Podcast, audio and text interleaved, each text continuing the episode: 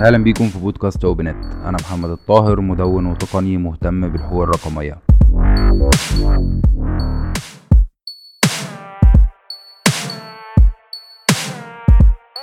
صباح الخير أو مساء الخير على حسب ما أنتوا بتسمعونا. أهلا بيكم في حلقة جديدة من بودكاست اوبنت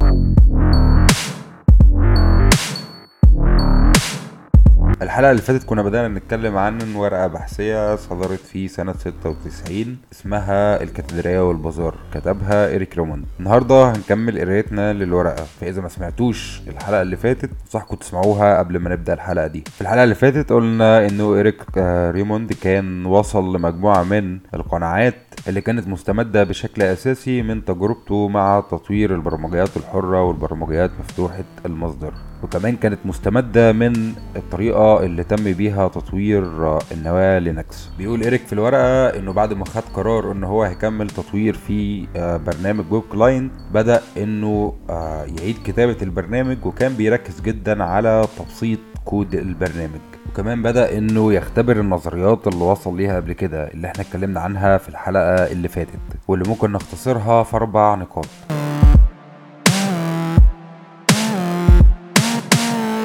النقطة الأولى هو الإطلاق مبكر وبشكل متكرر وده اللي اتكلمنا عنه في الحلقة اللي فاتت إنه لما يكون في تحديث للبرنامج فهينزل على طول علشان المستخدمين يبدأوا يجربوه. وده هيبقى مع كل تحديث حتى لو مجرد تحديث صغير. النقطة التانية إنه يوسع قاعدة البيتا اللي بيستخدموا برنامج popclient. وعشان كده أي حد كان بيتصل بإيريك ريموند آه، بخصوص برنامج fetchmail كان بيضيفه مباشرة للقائمة البريدية بتاعة popclient. والنقطة الثالثة إنه لما كان بينزل أي نسخة جديدة من برنامج popclient كان آه إيريك بيبعت لكل الناس اللي موجودة على القائمة البريدية بتاعة آه popclient يقول لهم إنه في نسخة جديدة. ويشجعهم على تجربتها ومشاركتها. والنقطة الرابعة والأخيرة إنه بيسمع للمستخدمين. فكان بيشجعهم على إنهم آه، يقترحوا إصلاحات للبرنامج أو يقولوا رأيهم في التصميم أو يقولوا رأيهم في الاستخدام بشكل عام. وهنا بيأكد إيريك وبيقول إنه أهم مورد كان موجود عنده هو مورد مستخدمي البيتا. اللي هي المستخدمين اللي بيجربوا النسخ ما قبل النهائية آه وبيجربوا البرنامج أكتر علشان إذا في أي مشاكل أو علل يقدروا إن هم يلاقوها ويصلحوها. وخلال محاولة إيريك إنه يطور في برنامج popmail كمان آه لاحظ حاجة مهمة. وبيوصفها إيريك في الورقة إنه أغلب الحلول الابتكارية والمميزة بتيجي بالأصل من إدراكك أنت نفسك لأنه فكرتك عن المشكلة كانت في الأول غلط. وبيقول إنه الفكرة دي جات له لما كان بيحاول إنه يعمل تطوير ما في البرنامج والتطوير ده كان هيبقى بيستبعد بعض الوظائف القديمة اللي البرنامج بيعملها. وهو كان عنده قلق إنه يبقى التغير ده بيزعج المستخدمين القدام للبرنامج. وبيكمل إيريك وبيقول إنه لما آه، أخد قرار إنه هيطور البرنامج بالطريقة اللي هو شايفها صح فحصل إنه اختفت الأجزاء الضعيفة اللي موجودة في كود البرنامج. واعدادات البرنامج كمان بقت آه، أبسط بشكل جذري. وحتى طريقة تعامل البرنامج مع الملفات بقى آه، بطريقة أسهل وأفضل. وهنا بيأكد إيريك وبيقدم نصيحة للمبرمجين إنهم ما يترددوش في إنهم يشيلوا أي مميزات غير صالحة في البرنامج مادام هم قادرين إنهم يكتبوها من الأول بطريقة أفضل.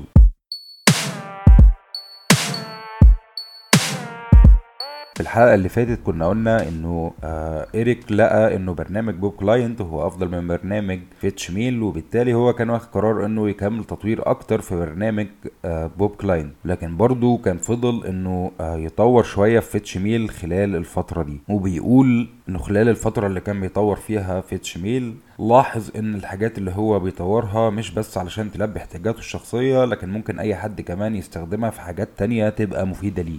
وواحدة من الحاجات اللي أضافها للبرنامج في الفترة دي اسمها multidrop وبغض النظر عن تفاصيلها التقنية لكن بيقول إيريك إنه تم استخدام multidrop في حاجات هو أصلا ما كانش متوقعها. وهنا بيتوصل إيريك لكمان قناعة جديدة إن الأداة الكويسة أو الأداة الجيدة هي اللي بتفيد في المجال اللي بيتم استخدامها فيه لكن الأداة الممتازة هي اللي ممكن استخدامها في حاجات ما كانش تخطر على بال المبرمج بتاعها أو مطورها. بعد كده بيبدأ إيريك ريموند إنه يتكلم عن دروس تانية استفادها جدا آه، خلال فترة تطويره ل fetchmail و popclient وهي حاجات في أغلبها تقنية فإذا مهتمين إنكم تعرفوا عنها أكتر فممكن آه، ترجعوا وتقروا ورقة الكاتريا والبازار هتلاقوا رابط ليها مرفق مع البودكاست.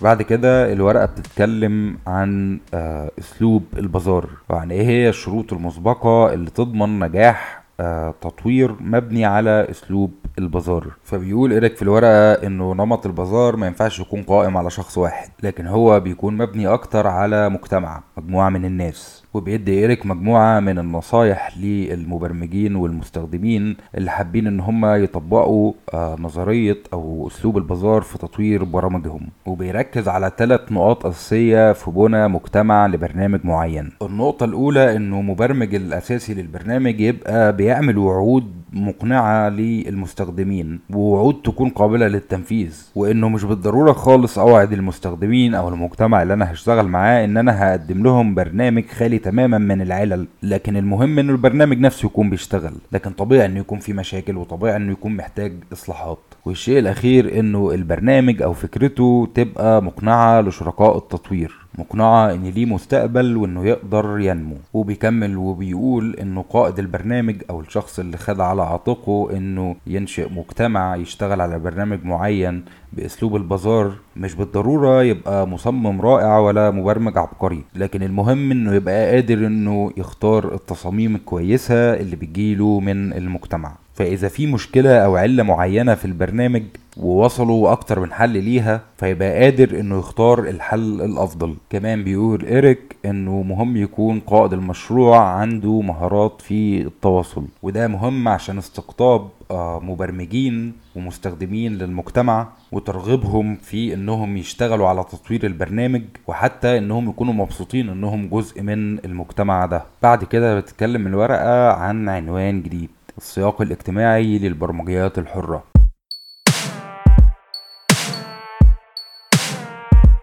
في الجزء ده بيتكلم ريموند عن تجربة لينكس وعن تجربته هو الشخصية مع fetchmail وعن عالم يونكس وتراخيصه المعقدة وعن إن التطوير العظيم لبرنامج معين بيجي من المجتمع يكون كل المجتمع ده بيركز على تطوير البرنامج وإن لما بيتم استخدام نظام أو أسلوب البازار في تطوير برنامج حر فالمجتمع هيبقى قادر على استكشاف التصميم وعلى تطوير آه، البرنامج وعلى اكتشاف العلل اللي موجودة فيه وعلى إصلاحها. وبالتالي هيبقى في إسهامات كتير جدا من المجتمع تقدر إنها تطور البرنامج. وبيختم إيريك الجزء ده بإنه شايف إن مبدأ البرمجيات الحرة وأسلوب البازار هو الأفضل ببساطة لأن البرمجيات المغلقة أو اللي بتعتمد على مبدأ الكاتدرائية مش هتبقى قادرة على اللحاق بالتطويرات اللي بتتم في بيئات حرة. وده لأن المجتمع اللي بيلتف حوالين بيئة حرة بيشارك بجهود أعظم وكمان متزايدة ومستمرة طول الوقت. وهنا بتخلص النسخة الأولى من آه، ورقة الكاتدرائية والبازار.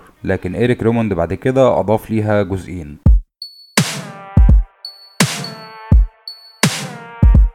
الجزء الأول كان بيتكلم عن طريقة إدارة وتطوير البرمجيات التقليدية وإزاي كان المناصرين ليها عندهم تشكك في اللي طرحه إيريك في الورقة. وبيناقش إيريك في الجزء ده شوية نقط. منها هل بيئة التطوير الحر هتوفر استدامة واستمرارية في التطوير ولا لأ؟ وبيرد على ده بأن في مشاريع برمجية حرة استمر فيها العمل لفترات طويلة ولسه لحد دلوقتي حتى التطوير فيها مستمر وموقفش وبيدي مثال على ده زي تطوير نواة لينكس أو آه، برنامج GNU Emacs. وبيأكد إيريك على إن جزء كبير من نجاح نموذج البرمجيات الحرة هو إن المجتمع نفسه والمطورين المنخرطين فيه بيحسوا بمتعة العمل الإبداعي والنجاح في مشاركة الأفكار والعقول وإثبات إن المجتمع ده بيقدم برمجيات أفضل.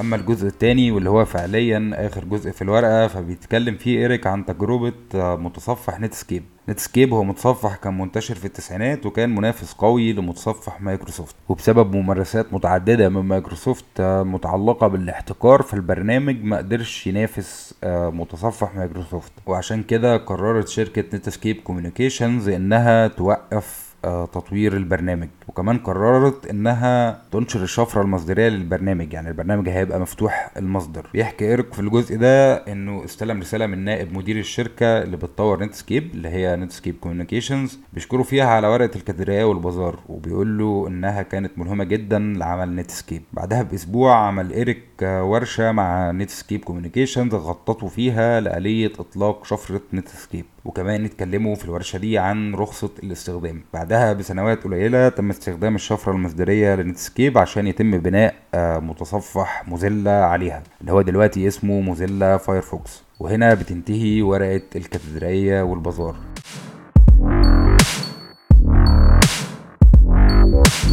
انصحكم جدا إنكم تقروها. في نسخة منها متوفرة باللغة العربية. يمكن الترجمة بتاعتها محتاجة تدقيق لكنها معقولة جدا. وإذا تقدروا تقروها بالإنجليزي اللي هي اللغة الأصلية لكاتبها يعني فهيكون أفضل طبعا. حلقة النهارده خلصت. مبسوط جدا إنكم سمعتوني وأتمنى تسمعوني في الحلقات اللي جاية.